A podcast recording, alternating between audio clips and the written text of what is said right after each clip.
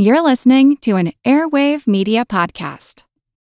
Hello, it is Ryan, and I was on a flight the other day playing one of my favorite social spin slot games on chumbacasino.com. I looked over the person sitting next to me, and you know what they were doing? They were also playing Chumba Casino. Coincidence? I think not. Everybody's loving having fun with it. Chumba Casino is home to hundreds of casino style games that you can play for free anytime, anywhere, even at 30,000 feet. So sign up now at chumbacasino.com to claim your free welcome bonus. That's chumbacasino.com and live the Chumba life. No purchase necessary. VGW Group. Void were prohibited by law. See terms and conditions. 18 plus. We all know how important it is to keep your eye on the money, and not just your own. Stay on top of the latest financial and market news with Yahoo Finance, a podcast that releases new episodes almost every day. You'll hear a brief overview of the biggest news in the financial world, all in three minutes or less, right after markets close. Check out Yahoo Finance wherever you get your podcasts. That's Yahoo Finance wherever you get your podcasts. This is Kick Ass Politics. I'm Ben Mathis. Kick Ass Politics is sponsored by Fiverr. You've heard me rave about Fiverr before. That's Fiverr with two R's. Fiverr is the world's largest online marketplace for services with over a hundred categories, all offered at a fixed base price of just five bucks. Logo design, business consulting, marketing, business cards and stationery, web design, translation, proofreading, legal consulting, and just about any other service you can imagine all offered at a fixed base price of just five bucks. And right now, if you go to kickasspolitics.com and click on the Fiverr ad on our sponsor page, you'll be showing your support for the show and you'll get some great offers on services tailored to your needs. Whatever you need done, find it on Fiverr. And before we start the show, I want to ask for you, the listeners' help with a special project.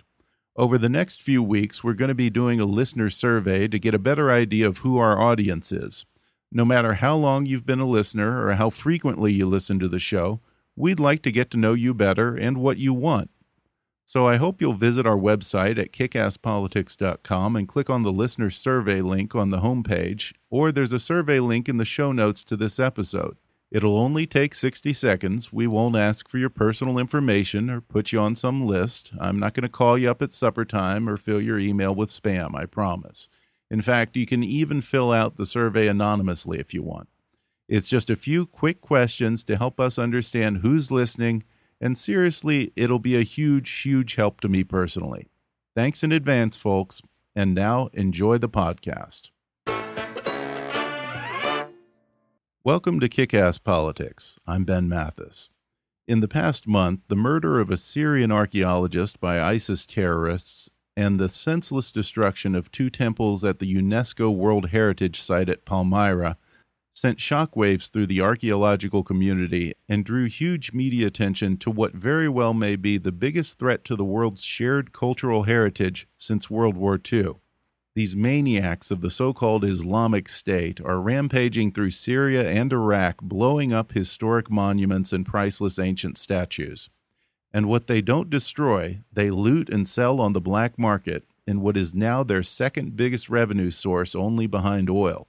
My guests on the podcast today are the men leading the charge to stop ISIS's war on cultural heritage and rescue some of the most important treasures of the ancient world before it's too late. Dr. Amr Al Azm is an associate professor of Middle East history and anthropology at Shawnee State University in Ohio. Before coming to the U.S., he served as the director of scientific and conservation laboratories at the General Department of Antiquities and Museums in Syria, and as head of the Center for Archaeological Research at the University of Damascus. Since the outbreak of the Syrian civil war, he's become an active member of the Syrian opposition. Those are the good guys, folks. And he's chairman of the Heritage Task Force, which seeks to prevent the looting and destruction of Syrian monuments and antiquities. And later in the show, I'll talk with Roger Michel Jr. He's the founder and executive director of the Institute for Digital Archaeology, which is using some high tech gadgets to catalog ancient monuments and artifacts in hopes of recovering and restoring them one day for future generations. Folks, if you thought Indiana Jones had his hands full with those Nazis, then just listen to what these men have to say about their race to protect the ancient wonders of the world before they're wiped off the face of the planet by a psychopathic terrorist army hell bent on destruction. Coming up in just a moment.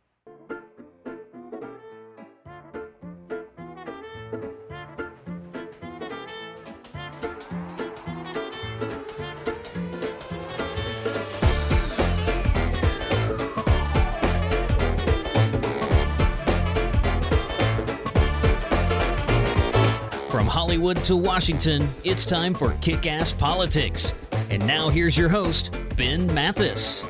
Dr. Amr Al Azm is currently Associate Professor of Middle East History and Anthropology at Shawnee State University in Ohio, and he's chairman of the Syrian opposition's Syrian Heritage Task Force. Dr. Al Azm, you were one of the leading archaeologists in Syria prior to the outbreak of civil war. You've personally excavated and explored many of these sites, including the ancient city of Palmyra. What went through your mind when you saw this video in the news of ISIS tearing through Palmyra, blowing up these magnificent, nearly thousand year old temples of Bel and Baal Shamin? Well, obviously, I'm devastated. I mean, Palmyra is really uh, one of our uh, most important archaeological sites and a, a very important symbol of Syria's uh, long and and and uh, very rich, you know, cultural heritage. Um, uh, in particular, Palmyra, uh, you know, has uh, because of its location in the desert. It's an oasis in the desert. It means that it has unique um, preservation conditions. Uh, due to the very arid um, climate there. And so the preservation is very high, and it's been a, an amazing site that has yielded so much information and knowledge about the period that it represents, which is primarily the, the you know this is we're talking about the Roman period here, from first century to third century um, A.D. Remember, Palmyra is a site that essentially encompasses an entire Roman city. So there are many public buildings, you know, palaces, and so on and so forth, and they are all under threat at the moment. Uh, somewhere along the way, you said that the ancient city of Palmyra and probably other historic sites are in relative safety, and ISIS is not completely destroying them because they plan on using those cities as, I guess, the equivalent of a human shield if uh, if the allies go after them. Yes, they do, and we have evidence of that. They would use, or they have plans to use, at least some parts of Palmyra for that. But we also know that they're already using the site of Rasafa near Raqqa, which is a Rasafa is a is this large palace complex dating back from the uh, Byzantine and uh, you know early Islamic uh, period, the Umayyad period. Um, they're using the uh, citadel of Jabar, and they understand the importance of uh, of these sites, and they also know that they can be used as a safe haven from coalition airstrikes. Uh, besides Palmyra, what are some of the worst cases of ISIS's destruction of historical sites in Syria and Iraq?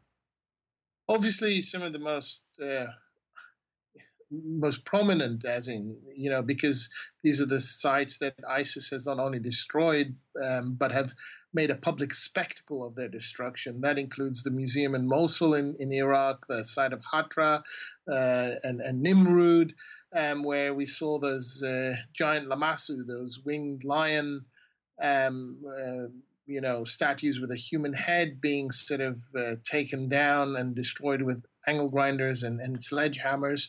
Um, in, in Syria, uh, you know, the most prominent thus far ha- has been the uh, blowing up of the, the, you know the temple of Bel and just before that um, the temple of Baal Shamin, but there is also a, another very important area of destruction that's occurring um, by ISIS and others, and that's uh, as a result of the looting, the, the, the ongoing looting of archaeological sites, which ISIS, um, when it started to take over these large areas, essentially uh, came upon this looting and institutionalized it, and uh, and and uh, you know accelerated the process and intensified it uh, and essentially raised it to an industrial level. And the damage it causes is incredible as well. Right. And I believe that those were the exact words that the director of UNESCO used. She said it was looting on an industrial scale. So then break it down for us. Walk us through the journey of a stolen Syrian artifact from the looting to the end buyer. It starts off with uh, the looters on a, on a site. Once they've recovered or uncovered a piece, let's say it's a piece of mosaic, a mosaic floor, they will remove it. And then they begin the process of touting, or if you want, um, uh, essentially uh, showing the piece to prospective buyers. One of the commonest way this is done is through a telephone application known as WhatsApp, where you can send images and text messages for free, and you can upload fairly large images through that. That's why it's very popular. Um, if the uh, buyer is interested, a l- lengthy process will or negotiation will begin with the tout in the hope of you know, getting a as much information as they can about the piece, and in the case of the middleman here, trying to make sure that you know he gets the best possible uh, commission for himself out of the deal. Eventually, at some point, the owners of the of the actual looted item and the buyer will meet. This can occur in in, in Turkey or uh, in some cases in Lebanon. You know, Lebanon is a much more established exit route for for Syrian antiquities and then you know obviously there's going to be more negotiations and if the deal is struck the uh, object is handed over to the buyer and then it's up to the buyer to sort of figure out how they're going to get it out of the country. That said a lot of the buyers are dealers themselves or representatives of you know i would say wealthy collectors who then or have their own well established means of uh, moving uh, the, the the artifact that they have purchased um, very little, I would like to say, of these artifacts is actually showing up on the inter international market as yet. Well, in in some cases, because there is so much scrutiny that's being put on these sales, many of these antiquities are going to buyers who have the resources to be able to store that purchase for 10 to 15 years before even considering putting it back on the market does this give you some concern that that you may never yes, see these things again and by the time they reemerge no one will care frankly?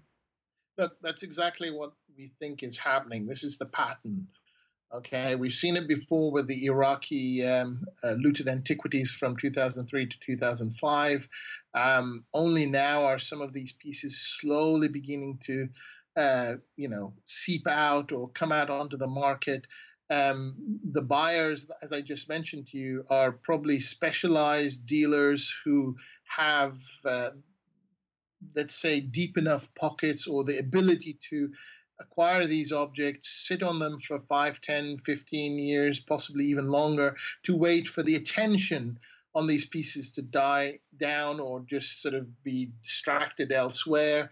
Then these pieces will uh, maybe get sold on a few times um, just to make sure that they acquire some sort of provenance, some sort of sales history. And every sale or every transaction essentially moves it one step further away from its uh, rather uh, um, unfortunate origin.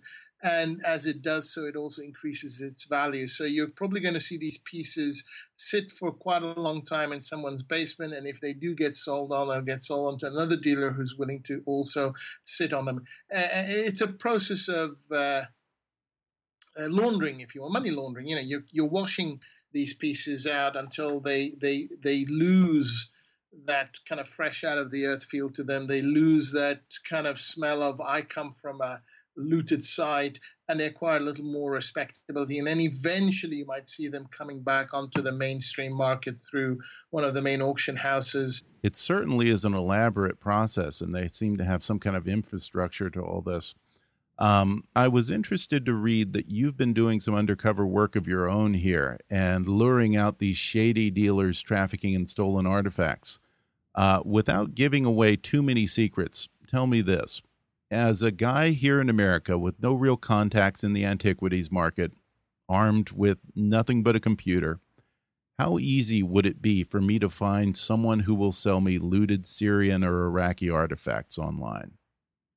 I, I think it's fairly easy. Um, most of these um, uh, middlemen, if you want, this is how most of this information arrives. Most of these uh, middlemen um, usually, um, as soon as they hear that someone is interested, they will immediately start to send you uh, photographs or images um, through WhatsApp um, of whatever available material they have for sale.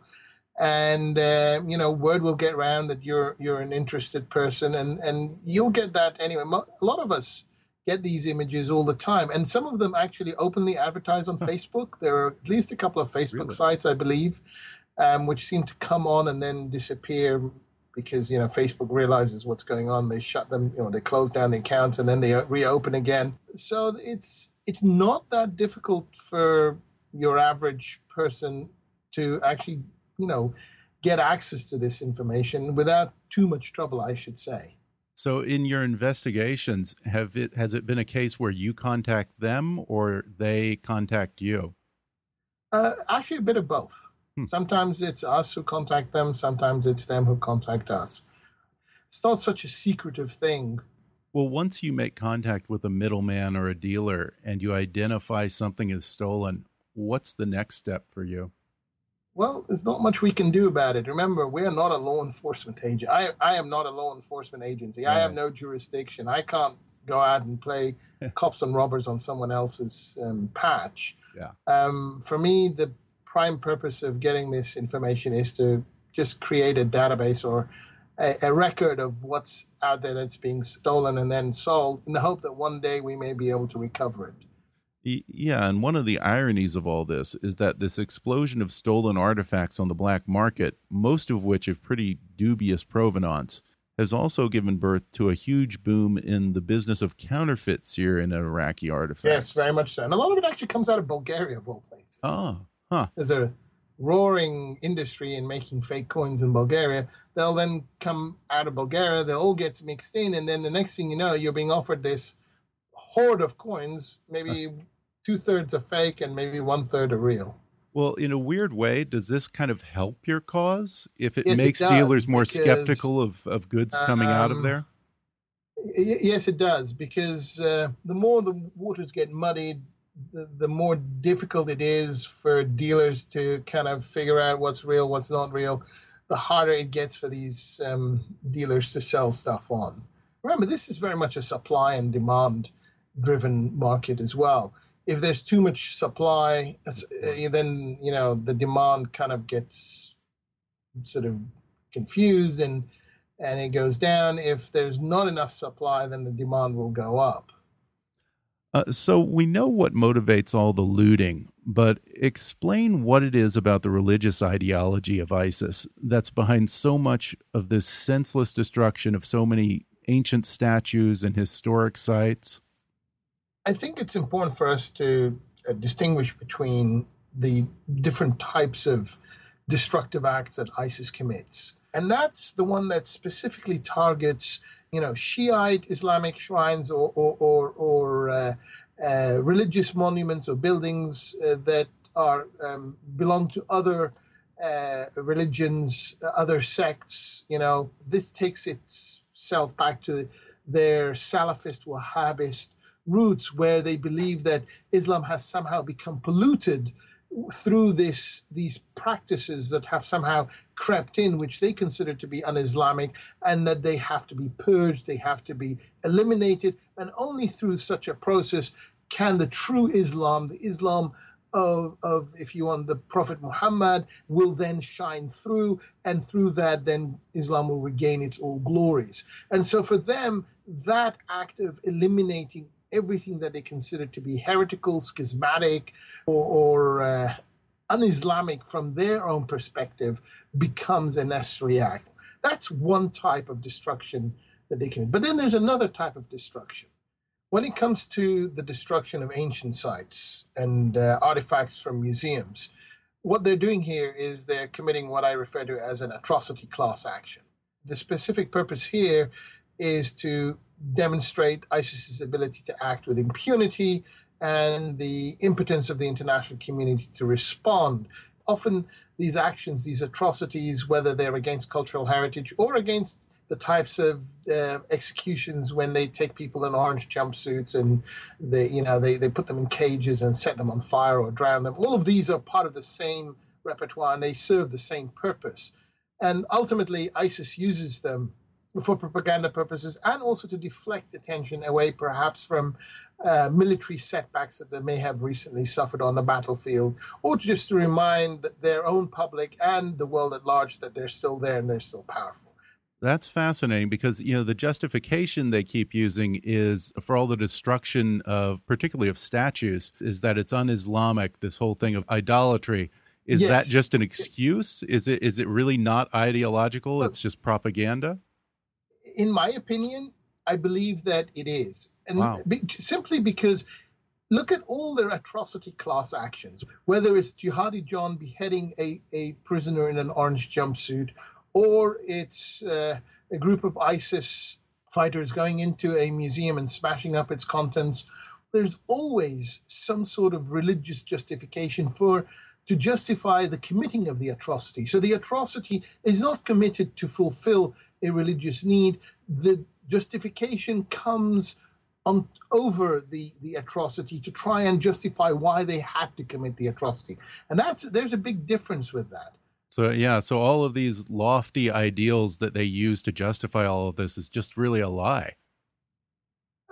And if well, it's not so much a lie as much as a, a abuse of the justification. Yeah. Let's put it this yeah. way, because to, you know the, fact that idols should be destroyed is part of their belief system, but does that extend to uh, you know cultural heritage? No, it does not. It extends to the worship of idols.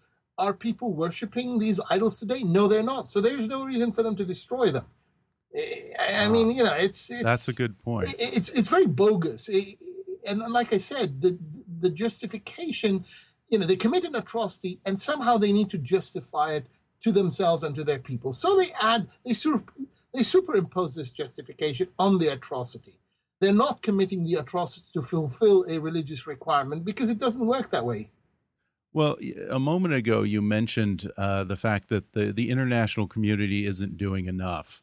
Um, in the past year, the UN passed a resolution banning the sale of stolen artifacts from Syria and Iraq, and the U.S. Congress followed suit with similar legislation banning the import and sale of looted objects. What more do you think needs to be done at that level?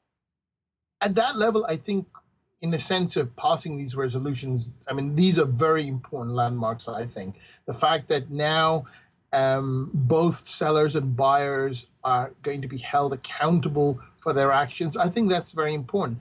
But will that have an immediate impact on preventing or stopping looting? No, it won't. Looting is, is happening very, very far away from where these auctions or where this buying and selling is occurring. But when I talk about needing to do more, I'm talking about supporting those people on the ground today that are actually trying to save this cultural heritage. I'm talking about the young men and women, the archaeologists, the uh, museum uh, curators, the activists who are risking their lives going out trying to document these um, violations, this looting. They're trying to protect their museums. They're, they're, they're doing what they can and I'm talking about supporting these uh, people. And ultimately, if we really want to stop this carnage of the heritage, it can only be stopped if we also stop the carnage that is befalling the people who are part of this heritage. So, if you really want to talk about doing something to end this, then we have to also do something about ending the war in Syria and in Iraq and so on and so forth. And that's something, you know, far great, far larger than you know anything that we can sort of say or discuss here. That that that's a very big topic in its own right. Well, you mentioned these people who are actually over there in Syria risking their lives to rescue these artifacts and sites. Uh, you're working very closely with them. Tell me more about who they are and the kind of things that they're doing on the ground there. You know, uh, in Syria, there are uh, numerous young men and women, uh, archaeologists, museum curators, and and, and activists who believe that their cultural heritage is worth saving. And so they risk their lives every day um, going out there trying to document violations, acts of looting, or damage being caused by the actual conflict itself. And in uh, some cases, they even manage to maybe save uh, an item here or uh, uh, a piece of antiquity there. One of our best examples comes from the city of Marra, has a small local museum. In that museum, there happens to be one of the most important collections of mosaics in Syria. It comes from the UNESCO designated World Heritage uh, uh, sites of the uh, dead cities and the collection in there is absolutely fabulous. But because the city of Mara has been subjected to a very intensive barrel bombing campaign for the last year and a half, we, we both we uh, outside and more importantly the local archaeologists and activists in the city of, of Marra were very concerned about the safety of these mosaics. In the end, we managed to put together a small fund that would uh, help pay for the sandbagging of the museum. A few months later, after we finished sandbagging the museum, the museum was barrel bombed and uh, destroyed a part of the museum. And uh, but the mosaics were all saved. Those mosaics that were sandbagged inside the museum were all saved, the important ones, and because of their efforts. And it's really not an exaggeration when we say that they are risking their lives because just a couple of weeks ago, as many people probably saw in the news, uh, a very prominent Syrian archaeologist named Khalid Assad refused to tell ISIS where he and others had hidden supposedly hundreds of ancient statues. And as a result, ISIS beheaded him and hung his mutilated body from one of the ancient columns in Palmyra as a warning to others. Now, Khalid Assad was a friend and a colleague of yours. What went through your mind when you heard about his murder? Uh, he was a colleague of mine. I mean, first of all, you know, it is, it's a terrible loss, and uh, the man really had, um, you know, an incredible amount of knowledge of Palmyra, um, of the sort that you can only acquire through practical experience of being there for so many decades, and we've lost that. Uh, in terms of the hidden loot and treasure, uh, we know that the the museum in Palmyra was evacuated, you know, hours before um, ISIS kind of moved into the city. So, and we know of archaeologists, um, you know, arrested and questioned in other towns and cities in Syria under ISIS control. And now, unfortunately for them, they were later released. In the case of Khalid al-Assad, he was released and rearrested and finally executed. Yeah, I mean, it's a horrible, horrible tragedy that these monsters have committed. But hopefully, thanks to the work that you and others are doing, uh, he won't have died in vain. Uh, well, Dr. Al Azm, thank you for coming on the show, and thanks for everything that you're doing to protect the world's cultural heritage from these mad ghouls.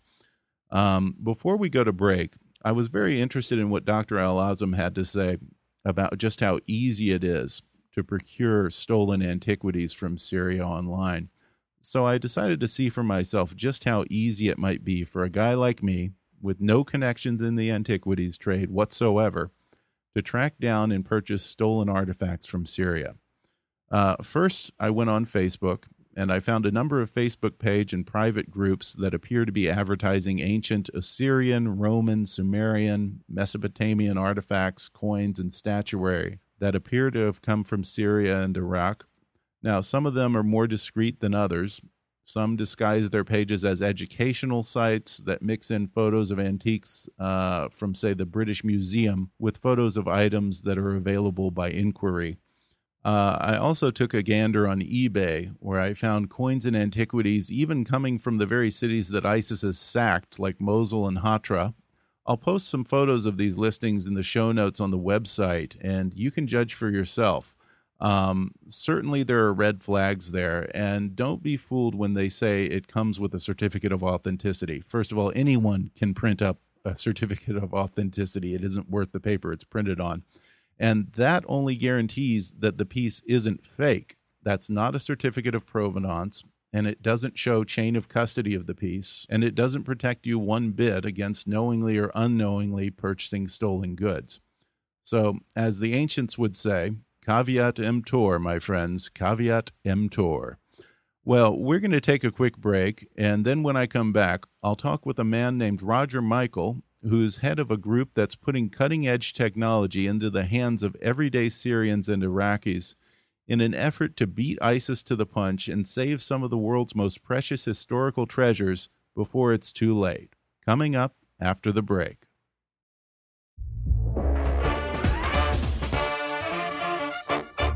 This portion of the podcast is brought to you by Audible. Audible has over 180,000 audiobooks available to download for your iPhone, Android, Kindle, or MP3 player. And right now, Kickass Politics listeners can get a free audiobook download and a free 30-day trial. Just go to audibletrial.com backslash kickasspolitics or click on the sponsor link on our webpage at kickasspolitics.com and go get your free audiobook. And if you like kick ass Politics and want to help keep us on the air, then please support the show by making a donation to our GoFundMe campaign at gofundme.com backslash kickasspolitics. Or go to the show website and click on the donate link. Your support will help keep us producing new and interesting programs in the future. That's gofundme.com backslash kickasspolitics. And now, back to the show. Welcome back. In the second half of the podcast, I'm talking with Roger Michel Jr., the founder and executive director of the Institute for Digital Archaeology. Roger, you're behind something called the Million Image Database Project, which is being called a modern day version of the Monuments Men, who were the soldiers who rescued stolen art from the Nazis in World War II. Uh, I have to say, on the one hand, I wish that there wasn't this urgent need for a program like this, but there's also this techie geek side of me who thinks, wow, this is really, really a cool idea. Uh, so, Roger, tell me more about what the IDA is doing with this project. Well, I think you're right. It really has uh, captivated people's imagination in a way that I, I couldn't have anticipated. I also agree with you that it is uh, a very sad situation that we're even involved in this enterprise. Uh, to give you a little background, uh, what we're doing uh, today as part of the Million Image Database Project is more or less what the organization has been doing throughout its entire history. That is to say, we've been involved in the high technology imaging business uh, and its intersection with archaeology since the outset. Uh, it was about, I guess, nine months ago that we realized that our work in documenting uh, epigraphy, that is, inscriptions and archaeological uh, objects in the field, uh, could play a significant role in, uh, in, cultural heritage preservation. And it was a, at about that time that I conceived of the Million Image Database Project, specifically the idea of flooding the region with these low cost, easy to use, three dimensional cameras uh, that would allow for 3D captures and create the possibility down the road of recreations. Uh, and so we, we entered into a collaboration with uh, Oxford University, with whom we've collaborated in the past on a number of successful ventures, uh, specifically with uh, Dr. Alexy Karenowska uh, on the physics faculty there. And uh, she and her team did a great job of coming up with uh, both hardware and software that was well adapted to this purpose. and sitting here today, nine months later, we have a, a great product, a great camera. we're ordering them now by the thousands from our factory in China and, uh, and getting them to our uh, associates uh, in the field in Iran, Iraq, Afghanistan, Syria, Yemen, Afghanistan, Turkey, Jordan, and have very high hopes for meeting all of the benchmarks for success that we've established. So this project isn't just limited to Syria. Absolutely not. Uh, in fact, uh, you know, I'm sure you've seen the very uh, disheartening satellite imagery coming out of Syria today, indicating that the Temple of Bel and most of the important architectural features of Palmyra now uh, lie in, in rubble uh, in the city. So, unfortunately, for some of those Syrian sites, uh, this project has come along too late. Um, but in fact, as you say, our, uh, our, uh, our mandate is much broader than that. The enterprise is much broader than that, and we intend to uh, do our best to capture as many images as we can throughout the Middle East of these important sites. our hope is to have a million images in the bank by the end of this year, and 5 to 10 million images in the bank by at the end of 2016. To jump back to Palmyra, I said uh, it may not be too late for that site because in the last three to four weeks, as it became clear that uh, we were not going to get into uh, Palmyra anyway, uh, in time to capture 3D images of that site with the hope of possibly uh, doing some recreations uh, in the future, we got to work on the possibility of using the existing 2D photographs uh, from that site. It's been very well documented over the years by, by scholars and by folks who have visited the site.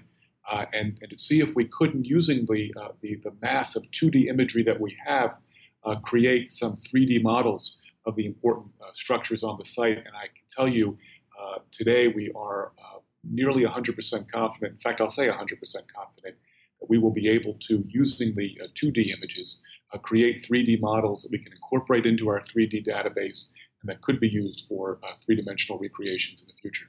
Wow, well, that's really good news.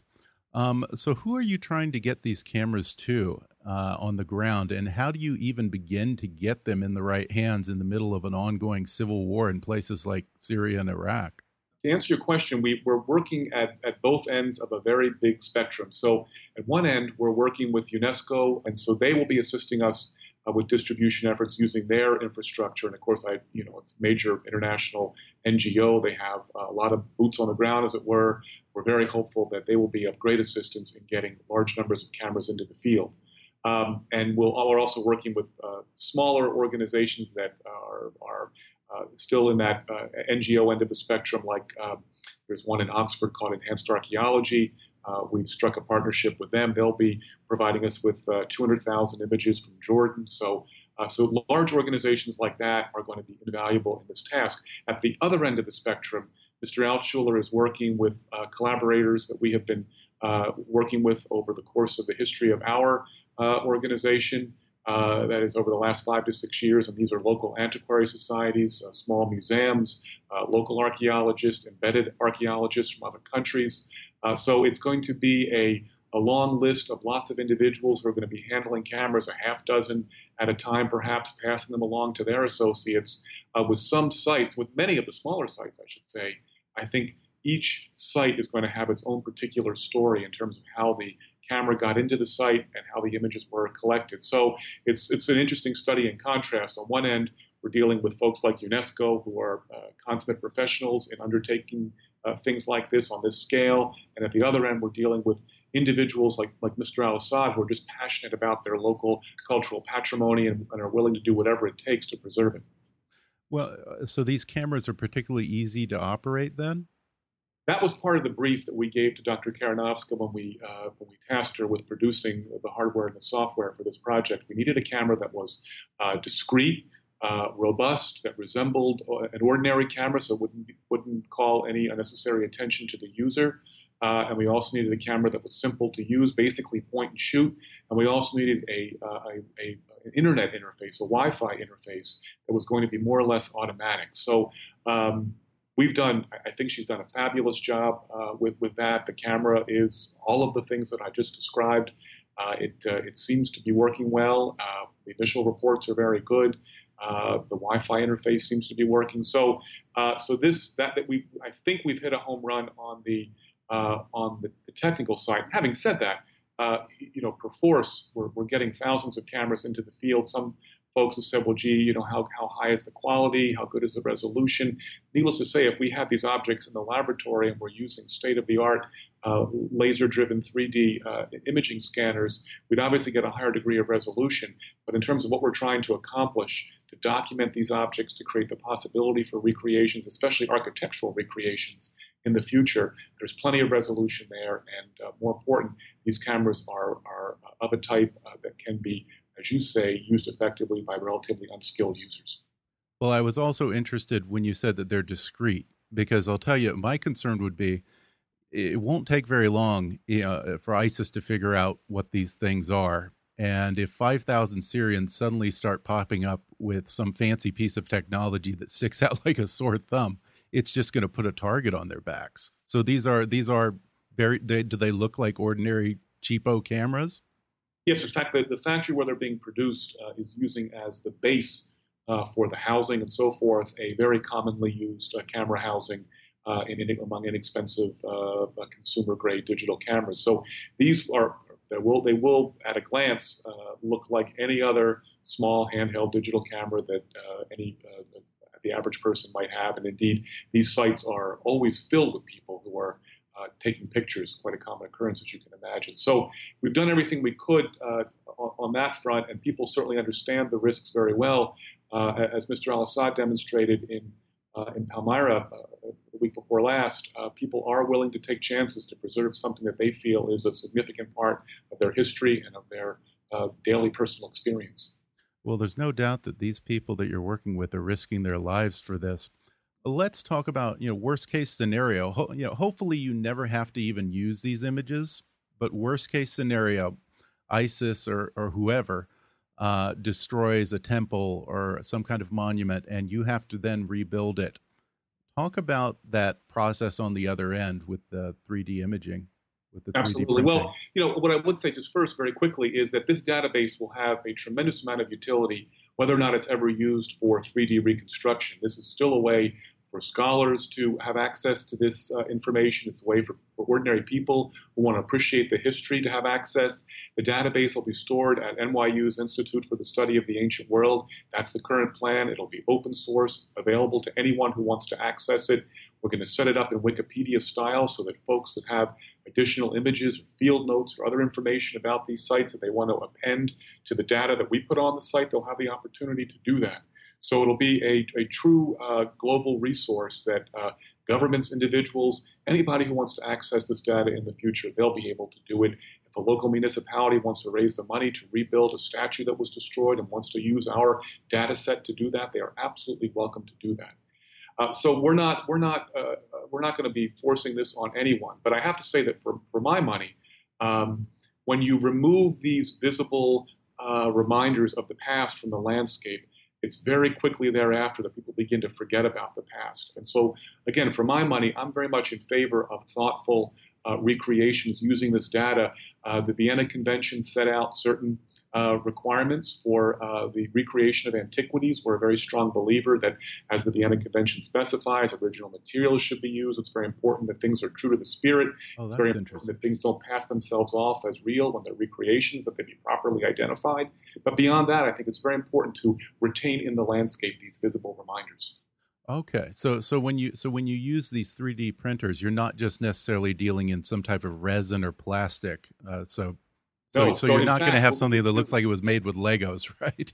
No. So in fact, the, the, the, the exciting opportunity that we have, and again, consistent with the uh, with, with the, with the Venice Convention, is to actually go into these sites to use the rubble from the destroyed structures to fabricate the concrete that will be used to replicate them. And in fact, concrete. Wow whether folks realize it or not, was a very common building material during Roman times. These structures that you see that are often mistaken for stone are very often concrete. And so we'd be rebuilding them in the same manner and using the same very concrete that was used in the original structures uh, to, to recreate them. So it's a it's a, it's a you know it's it's a horrible thing that we're talking about this. It's hard to believe. I mean, it would be like someone said, "Well, gee, you know, Washington is lying in rubble. Should we recreate the Capitol building? Should we recreate the Washington Monument?" I mean, it makes you heartsick to even think about those things. And and then when you do, it kind of gives you some empathy for the people in Palmyra and places like that. But I can tell you that if someone did destroy the Washington Monument, it would rise from the rubble in the same way that the at the site of the Twin Towers, that that, that beautiful new structure has, has has risen from the from the ashes. And I think that's how people uh, recover. It's how they recover their uh, sense of, of pride in, in, their history. And I think it's a, it's a very important undertaking, and this will make that at least possible if people want to do it. The other aspect to this is that you want to document artifacts before they're looted and sold so that you have a record and, you're hopefully able to recover these. Um, provenance is very tough to prove with these types of things. How will this technology help you to identify stolen antiquities that hit the market or possibly wind up in someone's collection? Yeah, I mean that's obviously a, a huge a secondary purpose uh, for this for this project. Uh, so the answer is this: that the the images that we'll be making, especially of the kinds of smaller objects that would be most likely to be sold in the galleries of Davey Street in London uh, will be documented to a very high degree of resolution. Uh, the visual images will include metadata uh, that, that documents uh, GPS location, time, and date.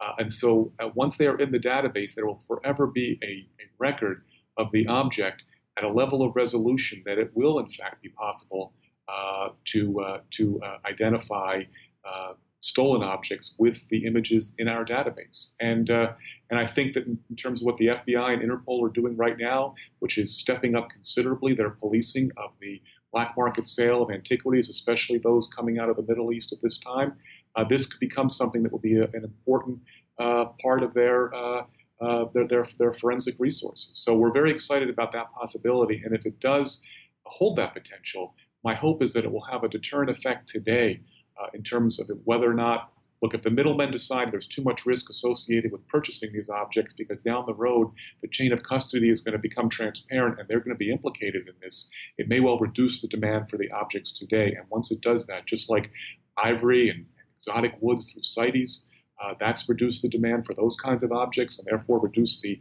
on the ground destruction, then it could have that same effect with antiquities. I've heard it said that antiquities are the second largest revenue stream for ISIS behind oil. And with the coalition airstrikes disabling many of the ISIS controlled oil fields and refineries, is it becoming a higher strategic priority for ISIS to take control of areas of particularly high historical value? It certainly seems that way to me. Uh, if you sit down and take a look at the map of areas where they have uh, focused their efforts, uh, it certainly seems like they are trying to capitalize on the, the opportunities uh, to seize and then sell uh, antiquities. Uh, so I, I, I, certainly don't want to try to get inside their minds because it's uh, impossible for me to do that. But I think the the record speaks for itself. The, there's no question, and the FBI I think made an announcement last Friday about its own efforts to step up intervention. So they certainly are, are, are sensing the same things that we're uh, theorizing about here right now that there is has been a significant increase in the, uh, the pilfered antiquities trade. And uh, I have to think that if the, the, oil money is drying up, given the uh, financial opportunities the illegal sale of antiquities represents, and some people are estimating that it's in the tens of millions of dollars per month in terms of things that are coming out of ISIS-held territories, and that has to be has to be one of their, their priorities in terms of uh, their strategic initiatives. Uh, what are some of the sites that you're most concerned about that are most urgent for you right now? Do you know what what what's on ISIS's wish list? I guess. Well, this is a question we frequently get asked, and we've worked with UNESCO to develop a list of priority sites based on our own sense of what uh, of what is likely to be high on our opponents' uh, list of priorities. But we've made it a policy not to disclose uh, the sites that we intend to focus on specifically well, for two reasons. One, because we, we don't want our hit list to become their hit list, number one. and number two, we don't want to place anybody at risk who's working at those sites on our behalf to collect images. So we, we're not disclosing any information about specific sites that we're, that we're either operating in, have operated in recently, or are targeting for the future. Well, yeah, that completely makes sense. You don't you, you don't want to do their work for them and tell them exactly what are the most right, because, I mean, important sites people, and valuable uh, tend, tend, to uh, impute uh, a lot of sophistication to these organizations because they, you know, at some level they, they, they it's reflected in what they do. Uh, the reality is that there's not a lot of sophistication there. I'm not sure how good their information is. I'm positive that our information is better. I can tell you that because we have the best archaeological minds in the world assisting us. Uh, so you're absolutely right. There's no way in the world we want to disclose uh, what we know to them so that they can, as, as, I say, make, make our hit list their hit list because uh, it would be a, it would be a blueprint for them. Do you think that Palmyra was a turning point for your cause? Well, I think that it, it helped certainly helped to sharpen the focus. I mean, I think uh, you know the re- the reality is that uh, that that people want to get involved in this, and I think have the inclination to. Maybe they weren't sure how they could get involved. Uh, this has certainly produced an outpouring of offers of assistance of all different kinds. We have folks that are have expertise in, uh, in 3D imaging that are offering their assistance. We certainly have had lots of folks at the local level come forward and say, "Hey, I'd be willing to take some images. Send me a camera." Of course, we're happy to oblige requests like that. And one of the things we'll be doing is reaching out to individuals through social media, Facebook, lots of photographs on Facebook and sites like that are tagged by geographical location and get everyday people involved in this enterprise of, of fighting back against against ISIS. And I guess at the beginning of the program, you were sort of talking about uh, how what we're doing matches up against what ISIS is doing. And I think the great thing about it, and the reason why this story has become such a global story, is because we're not just fighting back in the sense of, of, of eye for an eye, a tooth for a tooth what we're doing in our in our in our uh, efforts to fight back is something that's very constructive. By its very nature, it's constructive. We're trying to construct things. So I think people are are captivated by that. That that our the Western response to what is you know really thuggery and vandalism is something that involves the, the best and brightest minds. Because God knows the people that we're working with at Oxford and Harvard represent that. Uh, but at the same time, it's also something which is inherently constructive, and it's a nice. I think there's a there's a there's a wonderful contrast there. Well, yeah, it is, and it, it, must be interesting for you because usually you're you're used to doing research and archaeology and that type of thing. You're not used to having a very clearly defined enemy who would kill you to accomplish the things that are the exact opposite of everything that you believe in and everything that you have worked so hard for. It must be an interesting new experience for you, I imagine. Yeah, it is in a way. I mean, I, will get metaphysical for a second and say that archaeologists are always fighting against time, and time, of course, will eventually claim all of us. It's time that erodes the objects as they sit out in the in the baking in the sun, uh, and and so I think that, that there, there's always a sense of working against time to some degree. But in terms of having a specific human adversary like this, absolutely not. I mean, one of the nice things about archaeology is I think most people everywhere consider it to be an important thing to conserve the past, to learn more about the past, to show connections between people and cultures and places. So it is a very strange and alien concept for someone involved in that enterprise to encounter an adversary who believes just the opposite, that what they want to do is erase history, to break down uh, bonds between people, and to instead uh, insert their own uh, version of the past and make that the, uh, uh, the, the blueprint for the future. So yeah, that, that is a stunning really a stunning contrast with the environment in which we usually operate. Well, it's a very exciting project that you're embarking on, and I, I really wish you the best of luck with everything you're doing. Uh, is there a website where people can go to find out more and even donate, perhaps? Uh, we don't accept donations. Uh, all of our funding is private, so we don't don't take any public money or any oh. donations of any kind. But absolutely, we have a, a, a very wonderful uh, website, and it's uh, www.digitalarchaeology.com .org.uk. Uh, and um, yeah, I hope folks uh, take a look at it and, uh, and maybe get interested themselves. And we're certainly always looking for volunteers. Well, it's exciting stuff, and I'm rooting for you here. Roger Michel, thank you so much for coming on the show to talk to me about uh, what you're doing with the Million Image Database Project. You asked some great questions. Really, one of the best. I've done a lot of interviews, and I have to say your questions were really superb. And, and thank you so much for the opportunity.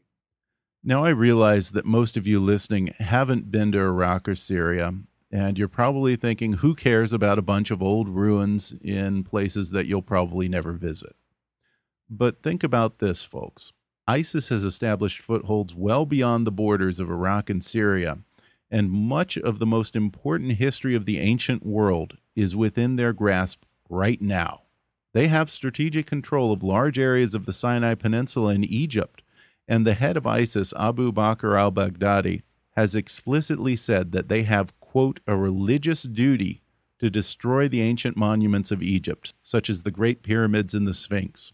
They've established a foothold in the eastern parts of Libya, where they've already destroyed several Sufi shrines near Tripoli, and they intend to target Misrata and Leptis Magnum, which are two of the best preserved Roman cities in the world. They have active affiliate groups in Jordan, which could put the lost city of Petra at risk. And I don't think that there's any doubt that they would take down the Wailing Wall in Israel, where they also have affiliate groups. And according to a projection map released by ISIS about a week ago, by 2020, they intend to take control of other historically rich countries such as Spain, Greece, Turkey, Ethiopia, and India. The earliest and most important birthplaces of civilization washed from existence. That's what we're looking at here. And if that doesn't scare you, then consider that some archaeologists estimate that ISIS has generated as much as $300 million from the looting of Syrian antiquities. And with the coalition airstrikes degrading or destroying ISIS controlled oil fields and refineries, ISIS is becoming even more dependent than ever on antiquities as a vital stream of revenue. Every artifact sold puts weapons in the hands of the most sadistic terrorist organization in the world. But if you stop the looting, you stop the flow of money. And if you stop the flow of money, you stop ISIS. Thanks again to Dr. Amr Al Azm and Roger Michel Jr. for coming on the show to talk about ISIS's war on cultural heritage. Be sure to subscribe to the show on iTunes and leave us a review.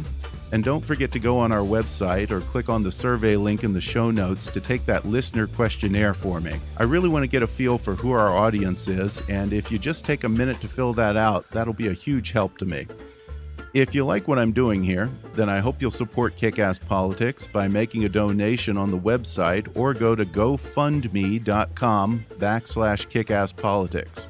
Because starting last week, we're now ramping up to two podcasts a week but that also means it's costing twice as much, most of which comes out of my pocket, to be honest. And I'm happy to do this show because I enjoy this. But if you want to pitch in, that's always greatly appreciated and really shows me that you value the effort that I put into this every week. So if you want to help out, you can donate on the website or go to gofundme.com backslash kickasspolitics. And as always, I welcome your comments, questions, gripes, and suggestions at comments at kickasspolitics.com. But for now, I'm Ben Mathis, and thanks for listening to Kickass Politics.